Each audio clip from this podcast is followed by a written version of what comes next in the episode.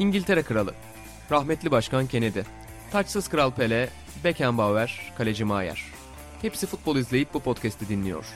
Sokrates FC, denemesi bedava.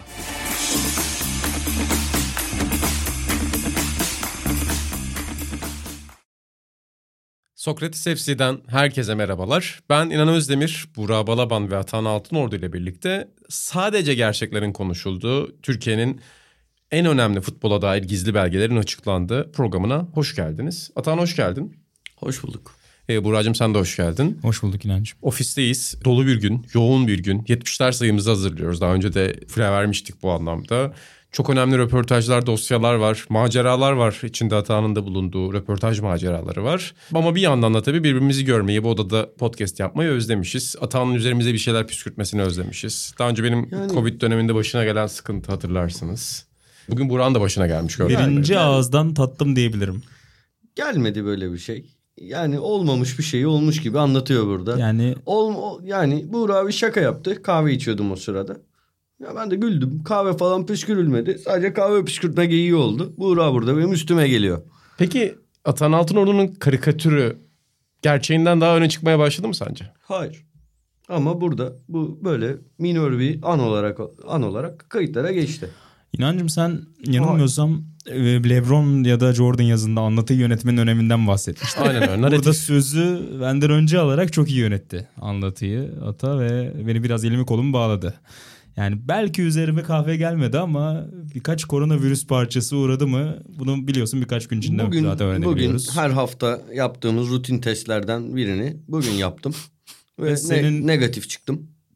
Senin püskürttüğün kahveden hemen önce ben de testi olmuştum. O yüzden bir hafta sonra öğrenebileceğim gibi görünüyor bende. Seyircilerimiz de bir hafta boyunca bunu merak edecekler ve endişeli bir bekleyiş olacak. Açıklayacağız bu Kahvede testin sonucunu. püskürtmedim. Hayatımda tek olmuştu. Orada beklemediğim o şakayla. Şu an şakayı hatırlamıyorum. Evet yani Komik ben de- miydi onu da hatırlamıyorum. Sadece Muhtemelen beklemediğimi, komiktir. Hani, beklemediğimi e, hatırlıyorum. Hani ben komik bir şaka yaptım galiba. Ben de hatırlamıyorum ne yaptığımı. Ama komik gibiydi diye düşünüyorum. Öyle yankı buldu. Şu an iki haberimiz var inan podcast'in geri kalanında. İyi haber ata bize kahve püskürtemeyecek ama kötü haber elma çayı püskürtebilir. Çünkü biliyorsun Aa, podcast'in özel tercihidir elma ter- çayı. Ya bunu Esra ile bir gün oturuyorduk burada. Ka- işte sigaraya çıkalım derken "Ba- değişik bir şey içelim dedik. O da Esra elma çayını fark etti. Çok güzel koktu. Ondan beri ara ara elma çayıyla podcast'imizi de tat- tatlandırıyorum. Çok anlamlı bir hikaye. Duygulandırdı Şeyi, beni. şeyi sever misin? Bu yine sallama elma çayı. Da asıl böyle çaycılarda olan, çay ocaklarında olan böyle toz elma çayı, oraletimsi. Onu Ee, sever misiniz? yok, Bir şeker bombardımanıdır ama güzeldir. Yok. Yok. Buğram sever bence. Benim tercihim kiviydi ata. Heh, Buğra evet. Bilmiyorum inan sen var mıydı öyle bir tercih? Yok maalesef. Yani ben daha önce bir yazıma tabii ki her şey gibi konu etmiştim oraleti. E, oradan beri ben oralet içmiyorum. 98 Dünya Kupası. E, oradan beri. Yani Fransa Paraguay maçından beri içmiyorum. 98 Dünya Kupası'nda İskenderun'daydım. Benim babaannemin babası devlet demir yollarında müdürmüş. İşte ben tabii kendisini tanımadım ama babaanneme kamp çıkmıştı. Ben de gitmek istemişti 10 yaşındayım. Anı anlatayım mı ya? Anlatıyorum. Yok zaten sormadan girdin artık gerisini de anlatırsın diye düşünüyoruz. Çok güzel bir ortam. İşte o kamp. Değişik insanlar. İlk gittim. Arkadaşlar edindim. Pırıl diye bir kız vardı onu hatırlıyorum. Güzel bir kızdı çünkü. Çok selamlar buradan. Oktay diye bir arkadaşım vardı. Oktay 10 yaşında olmasına rağmen kızlara hava olsun diye 12 yaşında olduğunu söylüyordu. 12 12 Çok 12 çaresiz. 12 çok büyük bir yaştı. Bir gün top oynuyoruz.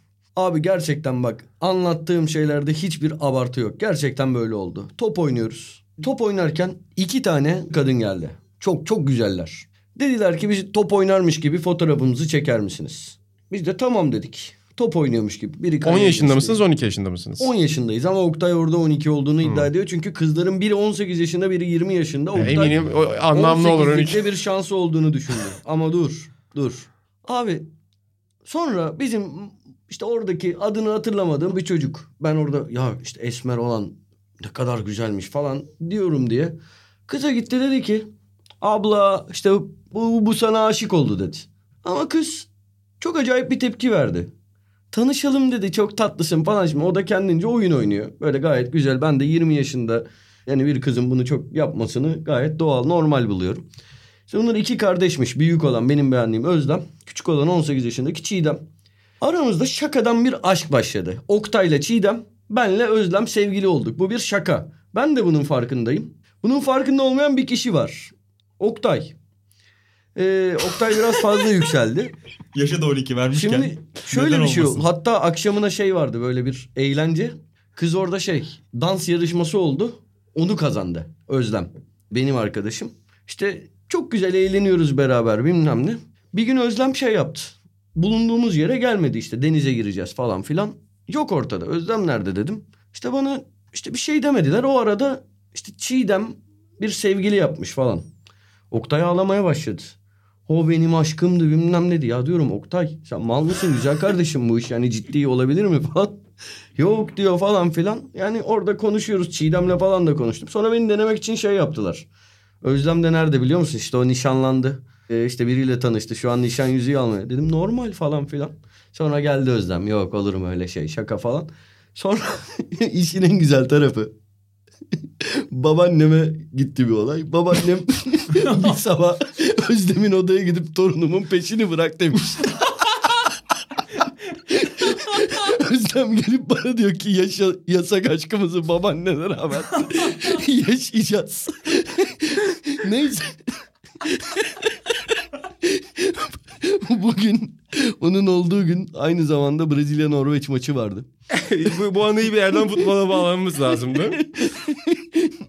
Hatta sanırım aynı gün emin değilim. Çok üzüldüğümüz hala düşündükçe üzüldüğüm bir olay da gerçekleşti. Kerim Tekin'in vefatı. Sanki aynı gündür Aldın diye. bizi oradan oraya attın be ata.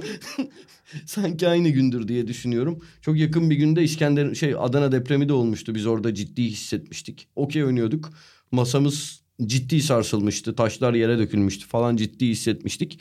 Brezilya Norveç maçında da gelmiş geçmiş en iyi hakem kararı vardır. Ha, Ee, senin favori kararın. Evet, evet. Onu da yani oradaki 38 tane kameranın yakalayamadığı o e, çekmeyi yakalayan hakemi de buradan tebrik ederiz. Öyle. Ya Allah bullak ettin ata bizi. Yani çok küçük bir Burun- fact check hemen merak edenler için. Özlem'le Çiğdem'i mi buldum Facebook'ta? Ben yıllarca aradım bulamadım abi. Ve Telefon... şimdi onlar geliyor. Hayır öyle bir şey olmadı tabii. Yasemin'in penceresi. Telefon alışverişi yapmıştık. Bir süre konuştuk sonra koptuk. Ama Özlem inşallah acayip bir mutludur. Gerçekten hayatımda gördüğüm en güzel kızlardan biriydi. Buradan hakikaten selam edelim. Norveç geriden gelip 2-1 kazanıyor o maçı. Kerim Tekin de 4 gün sonra ölüyor. Evet. Ama yakın. Öyle mi? Çok bir fark yok. Olabilir. Aynı hafta. Aynı Adana hafta. depremi hangi gün? Bir dakika. Adana depremi. Bir yerden Bir, bağlanacak. bir saniye. A- 27 Haziran 98 hangisiyle aynı gün? Kerim Tekin'le aynı gün. He tamam. Aynen o hafta. 3'te 2 güzel. Atan'ın henüz e, hafızasının olduğu yıllar. Çok güzel bir hikaye anlattın Atan. Üç tane falan film vardı bu hikayenin içinde. Yani Paul Thomas Anderson'ın son filmi Licorice Pizza senin gibi bir aşkı anlatıyor. Bir bu tip bir aşkı anlatıyor. Call Me By Your Name vardı yine anlattığın anı içerisinde. Yani allak bullak ettim siz. Parça parça düşünebilirsin. Biraz Edgar Keret kitapları gibi. Bunu sabah yolda konuştuk. Atan çok güzel bir... Atan yolda Ali Çolak'ın bir konuda Edgar Keret referansı, öyküsü referansı vermene şey dedi. Şey dedi. Çok güzel referans verdin. Çok etkilendim senden şu anda. Çok karizmatik bir referans oldu. Ben de okudum o kitapları dedi ama hiç doğru yerde bunun referansını veremedim dedi. Neyse ki şu an onu vermiş oldun hata. Harika.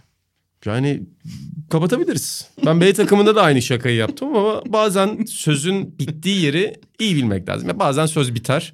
Şu an sözün bittiği yerdeyiz. Vallahi şimdiden iyi podcast oldu. Kesinlikle. Ee, yani konularımıza ben bu anının yasak aşk bölümünü daha önce yani babaannenin içine girdiği o tarafı polisiye tarafı dinlemiştim ama anının öncesini unutmuşum. Oktay Çiğdem inanılmaz bir hikaye. Beni babaanne feci vurdu ya hiç beklemiyordum. Gerçekten ya ben yerin dibine girmiştim ama daha sonra geldim. Am, işte amcam, halam, babam, annem falan nasıl gülüyorlar yani. İstanbul'da biz buna bir ay güldük. Gerçekten çok iyi bir İnanılmaz. yani. Ama tekrar Ankaralı Özlem Çiğdem kardeşlere buradan selamlarımızı iletelim. Çok selam. İyi insanlardı. Yani gerçekten allak bullak edici bir podcast başlangıcı oldu. Türkiye gündemine geçiyorum o zaman Atam. Geçelim. Türkiye gündemine geçiyorum. Orada çünkü senin söyleyeceğin çok şey var. Yani 20 dakikalık bir malzeme var. Çünkü Türkiye Portekiz karşısında e, çok dramatik bir final yaşadı. Yani Dünya Kupası yolu, elemeler playoff C yolu yarı final. Şu anda maç kolikten bütün detayına baktım. Otavio'nun 15. dakikadaki golüyle 1-0 geriye düştü. 20. dakikada atan uyuyakalmış. Yani 25 belki 28. Hani Biz bilmiyorum. Buğra ile maçın geri kalanını izledik. Diego Jota Burak Yılmaz. Sonra kaçan bir penaltı ve en sonunda Matius Nunez'de maç bitti. Ee, Burak sen de başlayacağım. Nasıl bir maç bekliyordun? Özellikle Kuntz'un orta sahası tartışıldı. Kanatları tartışıldı. Ne düşünüyorsun? Ya inan ben açıkçası diziliş olarak geride 3 stoper başlamasını mantıklı buldum. Onu da şuradan bağladım. Geçen Avrupa Şampiyonası'nı hatırladım ve Portekiz'in en çaresiz kaldığı maç Almanya maçıydı bana kalırsa. Ve orada Almanlar gerçekten iki kanat bekiyle hücumu biraz daha yayıp, beşleyip hakikaten çok çaresiz bırakmışlardı. Orada Gozens'in sürekli bindirmeleriyle ilk yarıda bir türlü eşleşememişti Portekiz. Hani kafadaki plan o olduğunu düşündüm. Hem hani kalabalık savunup çıkabilirse de beklerimiz o şekilde bir fark yaratabileceğini düşündüm ama dediğin konuların bir tanesi orta saha yumuşaklığı e, biraz can aldı. Orada bence de ileri üçlüden biri yerine yine ortada bir kesici olsa yani üçlü de merkez orta saha karşılasa atıyorum ileride yani Burak gibi güçlü bir figür olmasa muhtemelen hocanın tercihi zaten Kerem ve Cengiz gibi alıp gidebilecek oyuncular olurdu bana kalırsa. Ama Burak olacaksa dahi yani belki Kerem belki Cengiz'den birini seçip hoca onları serbest kullansa sanki daha dirençli olabilirdik. Çünkü hiç eşleşemedik hakikaten. Yani geride 3 stoper varken ön tarafta onlara bu kadar kolay gelmeleri ki oyuncu profili olarak Orkun da Hakan da zaten çok iyi kesiciler değil o yüzden. O çok tartışıldı. Yani çok yumuşak bir orta saha teslim etmiş olduk oraya. Maalesef öyle oldu. Yani ön tarafta da Kerem zaten savunma katkısı çok zayıf. Bence Barcelona maçlarında da bunu gördük. Çok konuşulmasa da. Burada da yani top kaybettiği anda Kerem'i pek ortada görmüyorsun. E Cengiz bir nebze. E, o da çok iyi bir karşılayıcı değil. Burak zaten değil. Hal böyleyken çok rahat geldiler merkezden. Gerçekten 8 kişi kalıyorsun orada ve hani Hakan ve Orkun da daha yumuşak karakterli, daha hücum karakterli orta sahalar olduğu için Orhan Ulucan'ın bir tweet'i vardı galiba. Bizim 5 e, hücumcumuz 5 savunmacımız var diye. Hani bir orta sahamız Doğru. yok diye. Gerçekten de ilginç bir diziydi şu anlamda. Çok doğru yani bu kadar karşılamaya ve hani şok çıkmaya Cengiz ve Kerim'le planlıysak eğer o zaman iyi karşılamamız da gerekiyordu. Yani karşılayamadan çıkamıyoruz çünkü bunu Avrupa Şampiyonası'nda da gördük. Yoksa yani o kanatları bir iki kere de gördük onu. Yani Berkan'ın geldiği bir boşluklar bulduk ama yani Berkan da ne o hücum katkısını verebilecek bir bek. Zaten bek oynamıyor Berkan e, Galatasaray'da. Zeki zaten hiçbir zaman o kadar gümbür gümbür gelen bir oyuncu değildi. Biraz oyuncu profillerinde sanki. Yani ana plan iyiydi ama oyuncu seçimleri planı desteklemedi bana kalırsa. Atan sen ne düşünüyorsun bu konuda? Ya sen Portekiz'i çok yakından tanıyorsun. E, Portekiz futbolunu çok yakından tanıyorsun ki birazdan başka bir gazetecilik yönüne de vurgu yapacağım senin ama hmm. yorgun bir günündü. Türk futbolu sana neler verdi ilk 20 dakikada? Ya şimdi şey bir yana ciddi, Şakayı bir yana bırakıyorum ciddi, evet. Ciddi bir şey söyleyeyim. Ya Buran'ın anlattığı her şey mantıklı geliyor. Ama bazen düşünüyorum. Buna herkes dahil. Herkes. Yani hakkına gelebilecek herkes. Abi yani 5. dakikada bir gol oluyor. Maçın sonucu değişiyor. Ya hiç kimse de ya bu oyuncu tercihleri hatalıydı demiyor. Sonunda kazanan her zaman bir şekilde şu planı yaptı, bu planı yaptı, bu plan tuttu oluyor. Dolayısıyla aslında... Tümden gelin mi oluyor diyorsun? Ya bence öyle oluyor. Futbolu, bu, yani futbolu, futbol yorumları böyle bence genel olarak. Ama bu yani Buğra anlatırken gözümün önüne geliyor bu arada yani. Bu arada sabah kalktım geniş bir özet izledim. Ya maçın da zaten bir 30 dakikasını falan sanırım izlemiştim. Ya anlattığı şeyler hani bende karşılığını buluyor. Ama yani mutlaka şimdi yeni bir hoca hala çok eski değil takımla 10 maça çıkmadı. Oyuncuları az tanıyor. Mutlaka hani birçok video bir maçlarını şeylerini izledi ama mutlaka bir şeyler düşündü. Yani Berkan'ın orada oynamadığını çok Onu sana soracağım. Yani Berkan çok tartışıldı o tercih. O da biliyor. Yani bir şey düşündü belli ki. Yani orada belki ekstra önlem almak istedi. İşte Otavio'ya mesela veya o, o, o bölgede Ronaldo ile Otavio birlikteliğini onunla kesmek istedi. Bilmiyorum belki oradan şeyde Berkan her ne kadar şu an çok formunun düşük olduğu bir dönemi geçirse de benim eskiden beri çok beğendiğim bir oyuncu. Alanya Spor döneminden çok beğendiğim bir oyuncu. Kendi ben işte Euro 2020 kadromu yaptığımda hani Alanya Spor'da ortalama bir oyuncuydu çok şey yok. Ben de vardı yani benim çok beğendiğim. Ayağı topta yapabilen, iyi pas dağıtabilen bir oyuncu bence. O bölgeyi hem savunma açısından güçlendirebilmek hem de oradan bir pas istasyonu yaratabilmek, oradaki pas trafiğine e, katkısı olabilecek bir oyuncu olabildi, olabileceğini düşündü. Zaten dedi hani Çağlar da ona şey yapar. Destek verir. Belki. Belki yani belki diğer şeyler mutlaka o adam bir şeyler düşündü. Şu ana kadarki performansını ben hani pozitif buluyorum. Kuntz'un mu Berkan'ın mı? Kuntz'un. Hmm. Pozitif buluyorum. Karşılığını buldu mu? Bulmadı. Ama yani o topu maçın başlarında yediğimiz golü, Otavio'nun attığı golü Uğurcan dışarı tokatlayabilseydi belki başka şeyler konuşacaktık bugün. O bile peki bu- sence savunma tercihiyle alakalı olamaz mı? Ya olabilir bu bir şey. Be- Berkan çok kötü bir performans gösterdi gördüğüm kadarıyla. Biraz da hani okudum ettim. Gerçekten hani son zamanlarda Galatasaray'da da çok kötü. Ondan bile yani ondan bile daha kötü olduğu hiçbir pozitif unsur ortaya koymadığını söylüyor herkes. Ama öyle ya de- dedim ya. Şöyle bir şey var ya ben tabii sizin aranızdaki bu problemi de gidermek için bir yandan buradayım. Seni spor değil skor yorumcusu olmakla itham etti Atan Alanı. Jacques dedi. Hayır. Titremeye başladım. E, ben. tamam lütfen Atan. Biz yeterince aldık mesajı orada. Ben E, bütün bak ayırmadan söylüyorum. Futbol yorum bu tek, teknik taktik yorumların hep, hepsi skora göre şekilleniyor ya. her şey öyle değil mi ama? Ba- Ama öyle mi olmalı acaba Tam diye da düşünüyorum. o yüzden aslında ben ana planın doğru olduğunu anlatmaya çalıştım ama Atay'ı ikna edemedim galiba. Bazen en yakınındakiler seni anlamaz. Maalesef. Ben maalesef. sana karşı bir şey söylemedim. Ben seni söyledi kendimi yanlış anlattıysam özür dilerim. Zor tutuyor Sencer beni burada masanın altında şey yapmak istemedim. İnan da yumuşattım Oyuncu sonra çözelim. oyun, oyuncu tercihleriyle ilgili sözlerine söyledim. Yani ba- başka bir yani öyle. Peki Dorukan yani teknik ekip Dorukan'ı önermişler. Yani Kuntz'la konuşmalarda öyle bir so- sohbet vardı. Yazılarda da bugün gördüm. Bu gazeteciliğine bayılıyorum ya evet. Araştırdım ben Soyunma de. odasını dinledim. Maçtan önce son 15-20 dakikada podcast'ten önce bir hani bu tip bir figür var mı aklında? Yani şu kadroda bunu görsek daha iyi olurdu diyebileceğim. Ya evet yedekler üzerinden baktım. Atan'ın dediği sol bek pozisyonu için işte yedekte Caner Erkin Caner. var. Beni çok tatmin etmiyor açıkçası. Yani Ya. gelmesi beklenen üzerinize Portekiz'e karşı hani sonralarda belki son yarım saatte bastırırken orta şişirmesi için atabilirdi tabii ki ama dürüst olalım yani daha iyi bir seçim değil bence Berkan'dan Caner. Orta sahada evet akıllara gelen or- orada biraz daha fizik koyabilecek oyuncu Dorukhan da söylediğin gibi ama bunun için de işte önden birini kesmen lazım. Cengiz çok formda. Kerem çok formda. Burak Burak. Yani evet büyük maç oyuncusu olarak burada bırakana konumlandırıyorsun. kadar onu bırakamazdın. Hani sen o seni bırakana kadar sen bırakamıyorsun maalesef Burak'ı. E, hoca öyle bir Bırakamadık diyorsun. bırakamadık gerçek. Burak evet. Atarız Az daha bir Burakami şakası yapacaktım inan ama e, senin yanında bunu yapmak istemedim. E, ya öyle bir açmaza girdi bence hoca. Yani A planı ve şablon dizilim bence doğruydu. Portekiz'in nerede hata yaptığını bence ve nerede zorlandığını iyi keşfetmişti ki Hakan Çalhanoğlu röportajında İlhan ve Caner abiye anlatıyordu Hakan. Yani rakip analizinin çok detaylanmaya başladığını konusu döneminde ve bundan oyuncuların da memnun olduğunu anlatıyordu. Belli ki ona çalıştılar. Belli ki orada bir defo gördüler ama oyuncu profili onu kaldıramadı belki de. Yani bu şablonlu iyi oynayamadı. Şey bu arada yani o bölgede aslında oynayacak çok iyi bir oyuncu vardı. Şey de söyleyeyim Rıdvan. Solu diyorsun. Ha evet, Evet. ya ben şu an yedeklerle beraber maç yani kadrosundan Rıdvan bahsediyorum. maç öncesi kadrodan çıkarıldı. Galiba bir sakatlığı falan da yok. Katılıyorum Yani bence de. Tercih O- hatası. Evet, yani bence öyle. Çünkü Rıdvan canavar gibi çocuk. Kesin benim de tercihim Yani olurdu. Doğru O, söylüyorsun. o oradan eleştiririm ben de. Peki e, yani Burak Yılmaz üzerinden bir tartışma vardı orada. Yine biraz sonuç üzerinden giden bir tartışma tabii ki. Yani Burak Yılmaz yıllardır penaltı kullanıyor. o Gayet de iyi kullanıyor. Çok iyi penaltıcı. Evet çok iyi penaltıcı. Değil mi yani yanılmıyorum. Kulüp Ben- takımlarında da çok iyi Yok, değil. gayet iyi penaltıcı. Hatta frikikçi de. Gayet iyi bir penaltıcı ve frikikçi. Ya penaltı kaçar. Bundan yana bir şey yok. Niye onu attırmadın bunu attırmadın. Hakan üzerinden çok soruldu orada. Tabii ki çok teknik Ya bir oyuncu Hakan. attı Burak Hakan penaltı. da iyi penaltıcı ama hani dediğim gibi Burak da iyi penaltıcı ve bu takımın penaltıcısı Burak attı yani. Daha Ve önce de o lideri attı. de. Lideri de o. Daha önce de o attı. Hani nasıl dün sosyal medyada biri de bu örneği vermişti de unuttum adını kusura bakmasın dinliyorsa.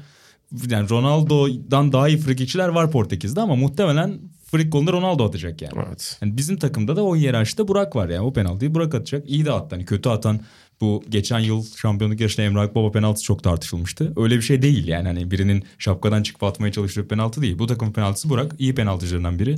Girmedi. Hani tam tersi senaryoyu düşünelim mesela. Enes alıp deneyip kaçırsa Of. Enes'in kariyerini biterdi yani. Herkes Zaten ne çocuğun Enes'i- milli takım kariyeri aldığı eleştiriler üzerinden şekillendi. Aynen ya sosyal medyadan çıkma sebebi olarak anlatmış diye bunu daha önce. Gerçekten öyle. İnanılmaz bir Bence Kitap okuyor diye sallıyorlardı çocuğa. İnanılmaz bir şey abi yani. Adam penaltı kaçırıyor şey diyorlar. Sen git kitap oku. Ya böyle bir korelasyon olur mu şey. Ya gözünü Şey seveyim. işte Güvenç Kurtar'ın Harvard'da öğretmiyorlar. Aynen. Şey aynı şey. Yani 10 kişi kalmış Kayseri'ye hücum edilemez demesi gibi. Böyle. Bence bu arada çok çok iyi bir yarım saat oynadı Enes. Yani Bir- bir, bir de şey maçı mi? döndürse çok mutlu olacaktım Enes için. Ben de çok mutlu olacaktım. Çünkü ya çok iyi bir insan olduğu Evet, belli ama tabii ki yani her herkese de desteklemez. Şuradan benim çok hoşuma gitti. Aldığı penaltı abi benim bir sahada gördüğüm en kararlı penaltı alışlardan biri. Çok klas hareket. İnanılmaz bir şey. Yani hareket. ben şeyi çok severim Benlik mesela. hareket. NBA yayınlarında da yorumlarda hep şey söylerim. Bazen oyuncuların itirazlarından şey anlıyorsun. Abi bu oyuncu haklı. Ya bazen oyuncuların yalan tabii, söylediği tabii. çok belli oluyor. Bazen de diyorsun ki ya bu adam haklı. Böyle itiraz etmez oyuncular. Hakemler de bazen oyuncunun samimiyetine bakıp değiştiriyorlar. Abi Enes düştü ve penaltı kararını verdi. Ya hakeme ihtiyaç yoktu orada. Çok açık. İnanılmaz bir şey gerçekten. Çok karizmatik bir ant. Kıskandım. Yapmak isteyeceğim bir hareket çok vallahi. Aa vermedi. Atan At sinirleniyorsa. dışarı, at dışarı, at. Yani tam şey. Bu arada mahalle maçlarında böyle abi olduğum zamanlarda şey yapardım. Diyelim bir faul oldu, bir şey oldu. Rakip devam ediyor. Kaleciye çık kaleden derdim. Çık kaleyi boş bırak derdim böyle tepki olarak. Hmm. Ve oradan faulü alırdık. Oktay'ı hiç attın mı? sayılan- Ha? Oktay'ı hiç attın mı? Neyi? Oktay. Ne Oktay'ı? Ar- arkadaşın Oktay. O 12 yaşındaki O- Oktay. Onu hatırlamıyorum canım. Hmm. Orada öyle ciddi maç bir kere abilerle yapmıştık. Onu da hatırlamıyorum.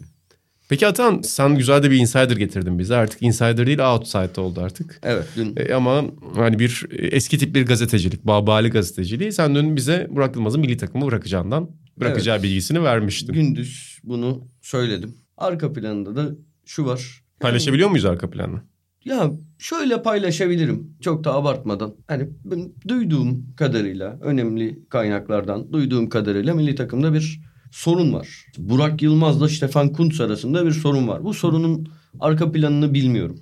Ama böyle bir sorun olduğu bilgisine ulaşmıştım. Kariyer olarak da normal aslında burada Hmm. bırakması milli takımı yaş olarak. Evet normal Ha, ama çok son derece normal bir, e, bir nokta. sorun olduğu. Yani bu Burak'ın başını çektiği bir grup mu yoksa direkt Burak mı bilmiyorum ama hocadan memnun olmadığını duydum. Aynı kişi bana Burak bugün maçtan sonra milli takımı bırakacak da Hmm. dedi. Güvendiğim biri.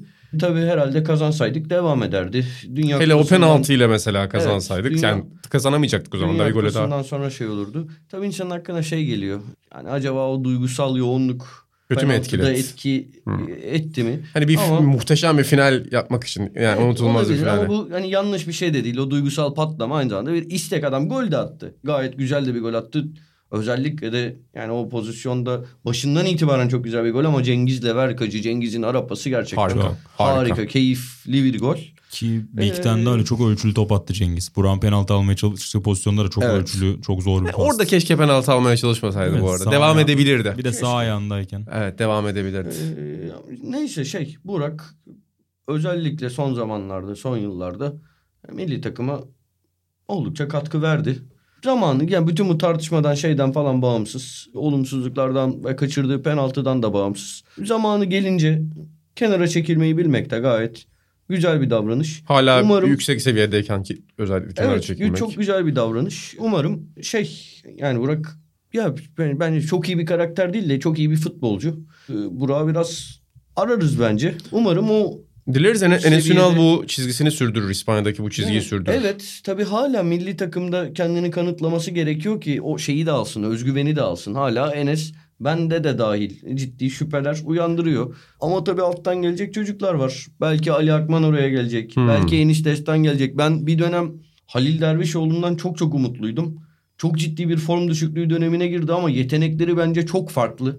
O önümüzdeki yıl belki bir başka takımda kariyerinde bir çıkış yakalayabilirse bence ciddi bir adaydır. Yani var adaylar ama Enes'in de hala 24 25 24 galiba. Çok acayip. Yaşında olduğu gerçeğini unutmamak lazım. Burak 24 yaşında oradan oraya dolaşıyordu. Hiçbir takımda tutunamıyordu.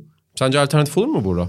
Ya bence Burak tipinde bir alternatif olmaz. Tabii. Ama arkasında Cengiz gibi, Kerem gibi, uzaktan şutlarıyla Hakan gibi hani gol yüküne katkı verebilecek oyuncularla oynarsa Enes zaten her maç gol atmasına gerek yok yani. Enes burada mesela çok hani vücudunu da iyi kullandığını gördük. Hani onu çok yapmıyordu. Hatta önü isteyenlerle dalga geçiyordu bizim röportajda konuşurken. E, hatırlarsın belki. Yani benim oyunum farklı sırf hani boyum biraz daha uzun diye herkes öyle bir şey bekliyor demişti ama biraz daha onu da yapmaya başladığını gördük. Rakipte savunmacıların üzerine falan da kullandı fiziğini. Biraz etrafında yaratması bence yeterli olabilir. O zaman Türkiye defterine dair daha ekleyecekleriniz var mı? Yani üzüldük maalesef Tabii. çünkü yani Dünya Kupası'nın kokusunu almıştık da Kuzey Makedonya'nın İtalya'yı mağlup edeceğini bilmiyorduk ama maalesef içimden yani babamı andıran bir tahmin geldi. Burak Yılmaz penaltıyı kaçırdığında birçoklarının aklına gelmiştir. Ya kesin İtalya elenecek dedim. yani çünkü bu Murphy kanundur. Bu olur yani. Türkiye futbolu içinde bir özettir bu. Şey de derdin sen bu arada. Kaçacak. Türkiye'de eledi diyelim. Şimdi Türkiye Portekiz'i eledi Makedonya'ya elenir. Tam Türkiye Kesin. olur. Tam- Kesin aynen. Tam Ee, Türk işi bir final oldu. Ben özet bir yorum yapmak istiyorum maça dair. Kemal Belgin'i alıntılayacağım. Lütfen. İki hoca da karşılıklı ikram etti maçı. İlk yarı biri, ikinci yarı diğeri. Fernando Santos ve Stefan Kuntz bu benim son dönemde duyduğum en iyi tabir ve zaten Türk Kupası'nda 50 senedir kullanılan bir tabir. Bundan sonra Sokrates FC'de bütün maçları karşılıklı ikram maçı olarak konumlandıracağım. Bence Ki- bütün maçlarda yapılabilir hata bu yorum. Gelmiş geçmiş oynanan bütün maçlara yapılabilir. Karşılıklı ikram ettiler. Futbol hatalar oyunu inanın. Bu lafı da bak hiçbir yerde duymazsın. Doğru. Sencer Yücel'in askerdeyken düşünüp bulduğu laflardan biridir. Ki Ee, alıntılanan da bir e, yazı biliyorsun yani. Yani akademik makaleler bu alıntı sayılarıyla ölçülür biliyorsun. Karşılıklı Yani ikram. Belgin de Hıncal Uluç tarafından alıntılandı. Evet, makalesinde ben Gal- rastladım. Galatasaray Beşiktaş açısından ya okuyucularımıza da çok okuyucularımız dedim ya. Abi ya seyircilerimiz diyorum ya okuyucularımız diyorum ya da izleyicilerimiz diyorum. Dinleyicilerimize de çok teşekkür ederiz. Hafta boyunca mesaj kutularımızı Aynen. Doğayan yazılarıyla dolduruyorlar ya da Ronaldo haberleriyle dolduruyorlar. İnanılmaz bir şey yani bu. e, bir medya takip var, bir ordu var. Sokrates FC Evet. ordusu bir Türk medyasını sağ takip olsunlar, ediyor. Bana da aynı şekilde özellikle Ronaldo şeyleri çok geliyor. Helal olsun. Bir de ba- bana şeyler de geliyor. Mesela atıyorum yani Temi Abraham ya olmadı galiba Roma'da. Gol attıkça mesaj atan var. Bana böyle ters şey yapan takip. Güzel. Sen İlan bir şey söyleyecektin bu arada. Türkiye defterini kapatırken. Unuttum ben de hafıza kalmadı ya. Unuttum vallahi Olabilir. ya. 30 saniye falan Evet. olmuştu. Unut- unuttum. Çok önemli bir şey olmasa gerek. Hatırlarsam Senin söylerim. sorunla kapatayım yani girişte Burak Yılmaz hani iyi de penaltı atıyor sonlar değil mi demiştin. Son 15 penaltısını atmış. En son 2019'da kaçırdığı penaltı var. Ligde de o kullanıyordu çünkü penaltı. Aynen Beşiktaş'ta da işte oynadığı dönemde o kullanıyordu. En son kaçırdığı penaltı işte Avrupa elemelerinde Moldova maçı yanılmıyorsam. Şu an önünde açtım. 2019 Mart'ından beri kaçırmamış. Olur yani futbolun Gayet- içinde var. gayet yani. Yapacak bir şey yok. Ne penaltılar kaçtı. Dünya Kupası finallerinde yarı final. Bilir misin Roberto Baggio'yu? Roberto Duymamış Baggio- olabilirsin. Hayal hayal meyil hatırlıyorum öyle bir çocuk. saçlı olan. İlhan Özgen'le de geçen konuştuk. kuyruklu. Dünya Kupası tarihinin jeneriği olarak. Gerçekten inanılmaz bir olay. Neyse bunu nereye bağlamak için kullandım? Aslında kullanmamıştım. Şu an aklıma geldi. Helal olsun. İşte Bak, babali bak. budur bak. Eleştirilerden ders alıyorsun. Evet. Güzel moderasyon. Hakkı doğru Sezar. evet. Doğru doğruya doğru. Evet canlı, dinamik, interaktif yayınımız devam ediyor. Adeta Ümit Aktan'ın Haydi Maşa'yı hatırlatan bir performansı. Yani inan üst üste gelecek ama bak gittik geldik ara verdik. Hatta Az önce de övmüştün. yani gerçekten bu moderasyon işini çözdün. Bak yine çok iyi bir giriş. Çok iyi bir giriş. Dinamik kelimesi burada çok gitti. Kilit. Çok gitti. Ümit Aktan dedin. Aynen. Helal olsun. Bir, bir misafirimiz, bir konuğumuz var. Misafir değil, ev sahibi. Aynen öyle. İtalya, Kuzey Makedonya. Yabancı değil, Frank de Boer. İlhan Özgen'i burada konuk ettik. Çünkü dün çok dertliydi. Yani maçın İtalya Kuzey... Dün demeyeyim İtalya Kuzey Makedonya maçının oynandığı gece çok dertliydi. Ben ona söyledim. Yani ben Mancini ve Milevski arasında karşılıklı ikram maçı dedim maçı. Ama e, İlhan Özgen'in çok daha detaylı yorumları var. Neden İtalya yine Dünya Kupası'na gidemiyor? Çünkü yazın Avrupa şampiyonu olduklarında da bizim skor yazarlarımız tarihin en kötü İtalya'sını yere göğe sığdıramamıştı. Bu takım o korkak futbola şampiyon olduğunda da e, bunun aslında olacakları bize göstermişti ve başımıza geldi. Bir tek orada sen söyledin bunu da. Aynen. Yani kazanırken de söyledin. O yüzden kaybederken de söylemeye hakkın var. Kesinlikle. Korkak Mancini'nin 7 tane savunmacıyı koyayım e, onlar beni kurtarsın felsefesi bu sefer işe yaramadı. Ve Alexander Trayalkovski'nin Çünkü- golü. Evet çünkü böyle şey olmalı orada böyle artık e, bitmiş bir adama söylemeli artık onu milli takıma almadı. Hani bir yeri TikTok gibi bir şey olmalı orada. Aynen araba. Çünkü şu anda dünyanın en formda santrforu olan Bal- Balotelli'yi kenarda beklettiğin anda başına gelecekleri de katlanacaksın. Peki bu ya gerçekten böyle bir şey ol ya çok saçma değil mi yani? Sürekli Avrupa şampiyonlarında etkili olan ve Dünya Kupası'na katılamayan bir takım. Yani bunu geçmişle birlikte mi konuşmalıyız? Yoksa bu takım özelinde mi bir saçmalık vardı? Ya da bir yanlışlık yanlış giden bir şey vardı? Ya ben turnuvadan sonra Bedirhan'ın programına katıldığımda Calcio Türkiye'de hani ile, ilerisi için ne olur dediğinde İtalya gidemezse şaşırmamak lazım. İtalya bu dedim. Çünkü Liam, Liam Brady'nin de bir şeyini örnek verdim. Liam Brady 1984'te İtalya'da oynarken İngiltere'de bir röportaj veriyor. İşte diyor ki oyuncu çok iyi yetiştiriyorlar. Çok iyi sistem futbolu oynuyorlar. Bizim çok önümüzdeler diyor ada futbolu için. Adam da diyor ki iyi de Euro 84 elemesinde Kıbrıs'a puan kaybetmişler. Nasıl bizden iyiler? Bunu sana Akdeniz'de olmakla açıklayabilirim diyor. 82 kazandıkları için 84'e gidemeyecekler. Hani biz seninle John Foot'la da konuşurken bu soruyu sormuştuk. Çok gülmüştü hatta hatırlıyorsan. Krizlerde niye bu İtalyanlar e, büyük başarılar kazanıyor? Akdeniz'de olmakla mı ilgisi var? O da çok gülmüştü. Yazın büyük başarı e, yazının ardından Buğra çok güzel bir dosya hazırlamıştı. Orada da İtalyan gazeteci söylediği şey bütün kaoslardan, krizlerden sonra biz zıplama yaparız, bir sıçrayış olur ve büyük başarılar kazanırız. Bu hakikaten İtalya'nın tarihinde var diye. Hani garip bir yani muhakkak bağlantılı bu tesadüf olamaz artık.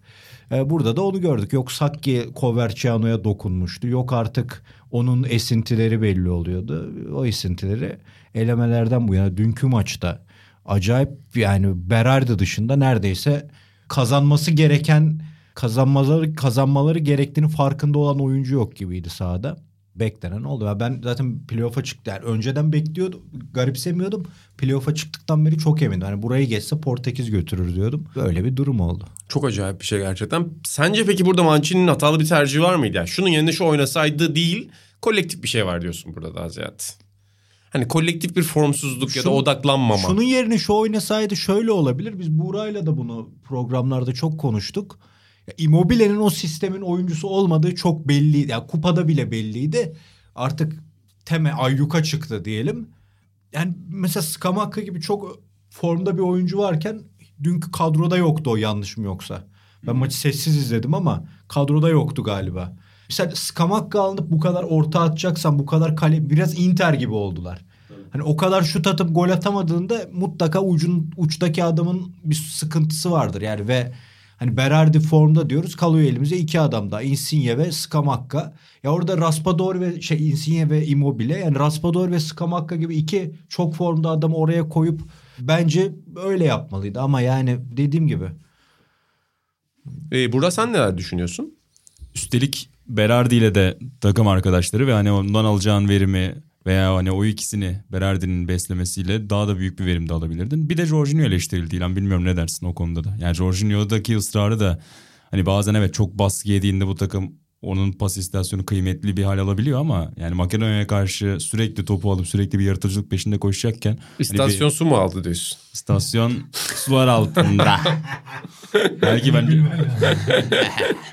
çok, çok formdaki işte Pellegrini olabilir. Sezonu çok oynayan Tonali olabilir gibi tercihler.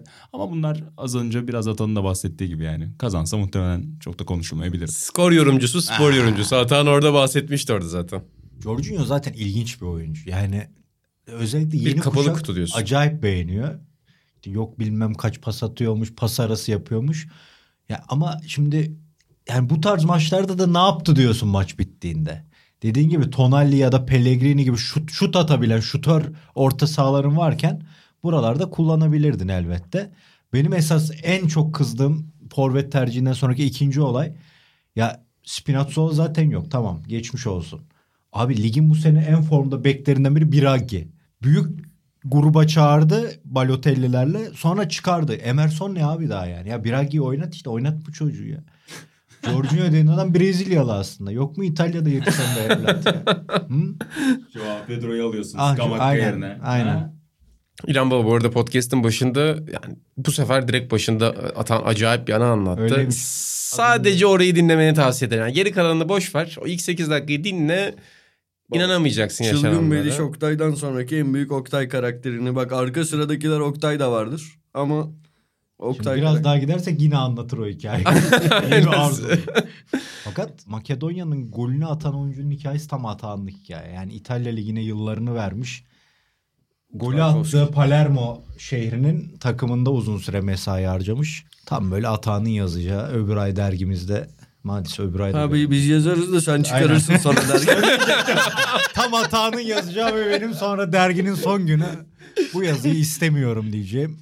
Baba seni Ve uğurlarken, yine bir telifine mani olacağım. seni uğurlarken şeyi de söyleyelim. Bu ay Atahan'la bomba bir iş yaptınız. Ama sır vermiyoruz. Başka bir podcast'te anacağız. güzel Ee, güzel bir, iş yaptık. Çok e, memnunum. çok önemli. Ama yani her zamanki gibi işin ilk telefonundaki Atahan'ın kurum tanıtma cümleleri. Onu özel olarak senden alacağız. e, sonraki Kemal. Yıldırım'daki o can yayınları tanıtıp kitapçı sanılması kadar olmasa da o da, o da dev anılardan biriydi. Neyse Mancini benim telifimi Mancini'ye gönderim ceket alsın kendine. Oo. O kadar. Ben Maked Kuzey Makedonya'yı da alkışlamak istiyorum burada. Alexander Trayakovski ile kazandılar. Buracığım son notun. Peki Mancini ile devam mı tamam mı? Bence Mancini ayrılır. Pişman olmuştur zaten. Ya Ben bir kere bak şunu da özürüm söyleyeyim. Ya böyle Lippi onu müthiş yapmıştı da sonra tekrar döndü. Abi Dünya Kupası'nı Kupa. almışsın. O gece bırakacaksın ya. Ha, Avru- Avrupa- Yani- ha, değil mi? Avrupa'yı aldıktan sonra bırak. Euro'yu aldın bırak. Lippi bıraktı Dünya Kupası'ndan sonra bir daha döndü. Orada düşünsene baba. Tam atağın vedası yani. En büyük yerde bıraktım. Bitti. Daha olmayacak büyük. Dünya Kupası'na büyük ne alabilirsin ki milli takımda? Bu da Euro'da. Bırak işte tamam. Yok katılıyorum katılıyorum. Yani Bir veda bir konuşma. Evet. Bir sen yokken zaten zirvede bırakmanın öneminden bahsettik. Tom Brady'yi anlattı Atan. Ee, Tom Brady üzerinden biraz konuştu. Michael Jordan Tom üzerinden Brady, biraz Atan. konuştu. Walt Frazier'ı anlattı biraz. Ben bir şey söyleyeyim. Trakowski deyince yanlış hatırlamıyorsam Palermo'da oynuyordu. Tabii. Son bir şey. Palermo deyince benim aklıma kim geliyor? Kim geliyor? Miccoli. Buradan bir Miccoli övmek istedim. Senior Bu kadar. Miccoli. Fabrizio Miccoli çok büyük bir oyuncuydu. Bize 2000'lerde Bence çok 90'ları büyük bir oyuncu yaşatan- değildi. Vallahi bak küçük Başka bir takımın, küçük konusu. takımın büyük oyuncusu olmak başka bir şey. Şeyde de Maradona mı? Cruyff mu, Miccoli mi? Atalanta'da bir on numara vardı kısa boylu. Son yıllarda ya. Zidane. Hayır. İliç ne? İliç işte. İli, ya, İli, emin ol. Natalya'ya bağlayacak sandım da o dönesine. Ne? Sevilla'ya giden Arjantinli diyorsun ya sen. Papu Gomez. Papu Gomez'i diyorsun. Yok ya İliç içi. İliş İli- kısa değil. Evet. O zaman tamam. pap neyse Papu, boş Papu. ver. Ee, tam şey oldu ya. Sinan Engin Zidane'ı soruyor. biraz biraz Kemal ne, sürekli Neydi de izlemiyoruz ya. Neyse. O ama ben atağında da o şeyi görürüm ışığı. Yani mesela Lecce'nin falan on numarası. Çok isterdim. Çok isterdim. Tam çok. Yakışır öyle bir forma. Çok yakışır öyle bir forma. Şöyle sarı kırmızı. Olamadık. Benim asıl Fatih Akın olmam lazım. Neyse o hayaline. o muazzam bir hayaldir bir dahaki. O zaman İlhan Özgen'e de veda edelim burada. Alkışlarla uğurluyoruz. Ben Bir daha ediyoruz burada. Elveda. Evet İtalya defterini de kapatmış olduk böylece. E, Türkiye futboluna tekrar dönelim isterseniz. Ligimizde de çok önemli gelişmeler yaşanıyor çünkü. Gündem belirlemeye devam ediyoruz. Biz de ki bu konuyu hiç konuşmamıştık daha önce. Beşiktaş'ta sezon ortasından itibaren yani Sergen Yalçın gittikten sonra Önder Karavelli ile direktörlük pozisyonunu idare ediyordu. Fakat sezon bitmeden yani daha önce sezonu bitirmeyi düşünüyorlardı. Yanlışım varsa beni düzeltin. Fakat son sonuçlardan sonra ve takımın onlara göre iyi gitmemesine istinaden muhtemelen Valerian İsmail'le anlaştılar. Farklı yönlerden inceleyeceğiz kendisini. Tabii yine çok önemli bir gazetecilik çalışması yaptı Atan Podcast'tan önce. Hem lokantayı işletiyor hem gazetecilik yapıyor orada. Bilgilerimizi vereceğiz. Burak önce sana burada pas atayım. Sonrasında da yani kısa bir giriş rica edeyim senden. Beşiktaş'ın bu hamlesinin zamanlaması sence mantıklı mı? Yani sezon sonuna kadar önce Önder Karaveli ile gide- gideceğiz dedikten sonra çok mu büyük bir kriz oldu? Nasıl değerlendiriyorsun hamleyi? Ya inan tuhaf gerçekten. Çünkü başkanın çok kimse arkası durmuyor ama ben duracağım gibi bir açıklama yaptı. Birkaç hafta önce bir de yani çok eski de değil. Ee, onun üzerinden gerçekten çok çabuk değişiyor. Dün ve bugün arasındaki süre artmış gibi sosyal medyayla beraber. Çok garip. Yani eskiden en azından birkaç ay olurdu bunun. Yine hocamızın arkasındayız açıklamasına güvenmezdin ama en azından bir iki ay verirdin ya artık sanki hani böyle birer ikişer haftaya düşüyor gibi o güvenemiyor açıklamaları. O yüzden ama çok da şaşırmıyoruz artık yani bu her kulüpte çok sık görmeye başladığımız konular zaten. O yüzden çok da şaşırmadım ben. Yani zaten çok kırılgan bir figür olduğu belliydi Önder Karaveli'nin. İlk başlarda o çok duygusal işte alkışlar sağ içerisindeki turları hocanın elini kalbine götürüp falan onlar olduğu anda zaten hani tamam bu güzel ama hani birkaç mağlubiyette her şeyin unutulacağını biliyoruz. Bir anda tam tersine dönebilir her şey Türkiye'de. Konuşuyorduk zaten bunu ve e, şu anda da oraya geldi konu. E, Atan sen nasıl karşıladın? Valerian İsmail'le de yakınsın. Ya nor- normal karşıladım. E, bu arada ben şeyi de normal karşılıyorum. Hocamızın arkasındayız açıklamalarını da normal karşılıyorum. Yani ne desin adamlar bu maçı da kaybederse gidecek denmez. Yani şeyde sonuçta başkansın yönetici pozisyonundasın. Senin görevin altında çalışanları, kulüpte çalışanları motive etmek, en yüksek motivasyonla işe devam etmelerini sağlamak. Bunun aksi yönde bir açıklama olamaz, o garip olur. Hocamızın da suyu ısındı ama iki hafta daha bakalım kazanırsa o zaman düşünürüz denmez. Normal. O açıklamalar da tabii ki Sürecin zaten gönderilebileceği dönemlerde yapılıyor. Ortada bir başarısızlık olunca soruyorlar. Böyle bir beklenti oluyor. Hoca gidecek mi? Normal karşılıyorum aslında bunu. Önder Karaveli zaten hani Beşiktaş hedeflerinde bir takımın teknik direktörü olma iddiasında bir insan değildi. Ama bence iyi yönetti. Ligde zannediyorum sadece bir mağlubiyeti var. Öyle hatırlıyorum. Çok Tabii sayıda beraberlik başarılı- var. Evet çok sayıda beraberlik var. Bir de çok iyi bir figürdü. Yaptığı açıklamalar.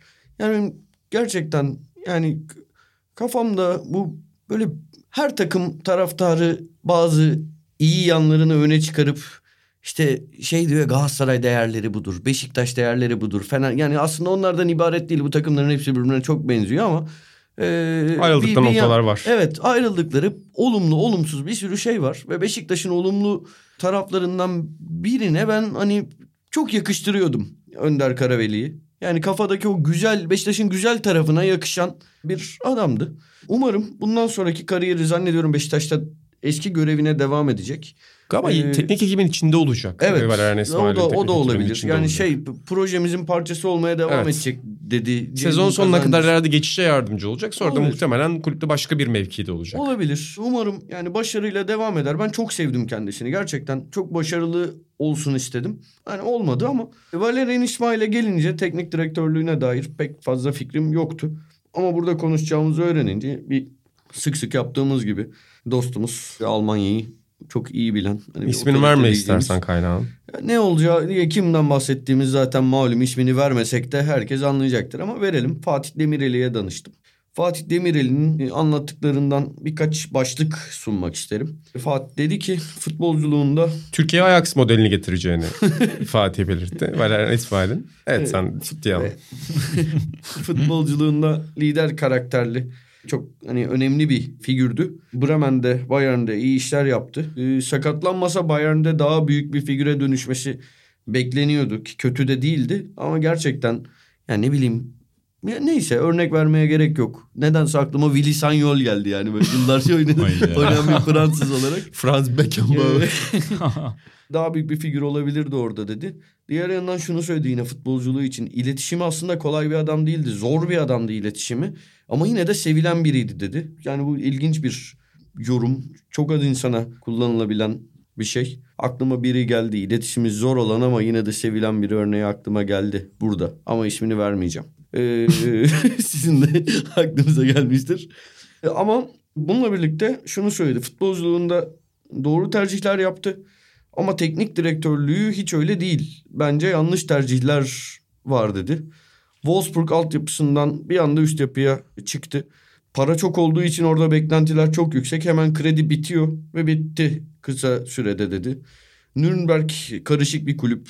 Çok kısa bir sürede keza Nürnberg'de de kazan kaynadı dedi. Arada böyle bir maç sanırım süren, bir Yunanistan macerası var. Avusturya'da Linz'de iyi işler yapmış ama çok ilginç bir gönderilme hikayesi var. Pandemide gizlice yani ülkede yasakken e, sportif Hmm. faaliyetler gizlice antrenman yaptırdığı için büyük bir skandal sonucu göreve devam edememiş. İngiltere'de böyle parçalı bulutlu iyi işleri var ama hiçbir yerde uzun kalmamış. Böyle bir kulüpte uzun seneler bulunmamış, bir proje yürütmemiş. Dolayısıyla Fatih diyor ki Valerian İsmail Beşiktaş için bir fırsat değil, Beşiktaş Valerian İsmail için bir fırsat. Ama böyle birlikteliklerin de zaman zaman çok olumlu sonuçlar verdiğini gördük. Şeye bağlayacaksın gibi geldi. Hiçbir yerde uzun kalmamış. Türkiye'ye çok uygun. O yüzden çünkü Türkiye'de de kimse uzun kalmıyor. O yüzden uygun bir Bir de. Beşiktaş'ın yani bu sezon da konuştuk yani kaliteli bir kadrosu var ve aslında gelecek senenin şampiyonluğu için yaptığım bir hamle bu. Yani bir Doğru. uzun vadeli proje değil yanılıyor muyum? Yani Beşiktaş'ın hedefi gelecek sezon sezona başladığında şampiyon olmak olacak. Evet ama yani Valerian İsmail'in bu seviyede böyle bir şeyi de yok. Ama dediğim gibi bu hani göreceğiz. Yine bir şey duayen tabiri kullanalım mı? Kapalı kutu. Şu anda, şu anda. Ama o kutu açıldığında belki içinden büyük sürprizler çıkacak. Beşiktaş'ı şampiyonluğa götürecek. Belki Avrupa kupalarında başarılar elde edecek. Ki Beşiktaş'ın Avrupa kupalarına katılması için öncesinde bir süre gerçekten bu sezon da başarılı olması lazım. Bakalım. İsmail Hoca'nın Twitter e, head görselini gördünüz mü peki? Bu ofiste Aras Yetiş'in sık kullandığı bir sözü alıntılamış Nelson? Mandela'dan. Ben asla kaybetmem. Ya kazanırım ya öğrenirim. Oo. Şakasız bu yazıyor hocanın. Kimin ya? Nelson Mandela'nın. Aras çok sık kullanır ya bunu. Ha İsmail. İsmail Hoca deyince bir anda İsmail Kartal mı? Valerian Evet, İsmail, İsmail. Kartal'a gitti. Ya Valerian İsmail. Artık iki İsmail Hoca var. Büyüklerde. Gerçekten güzel bir alıntı. Nelson Mandela'ya da buradan selam etmiş oldum. Yani Oktay'dan başladık. Babaanneye gittik. Arada İtalya'ya uğradık. Türkiye'yi konuştuk. Ve İsmail Hoca ile bitiriyoruz. Valerian İsmail Hoca ile bitiriyoruz. Son notlarınız var mı? Güzel bir podcast olduğunu düşünüyorum.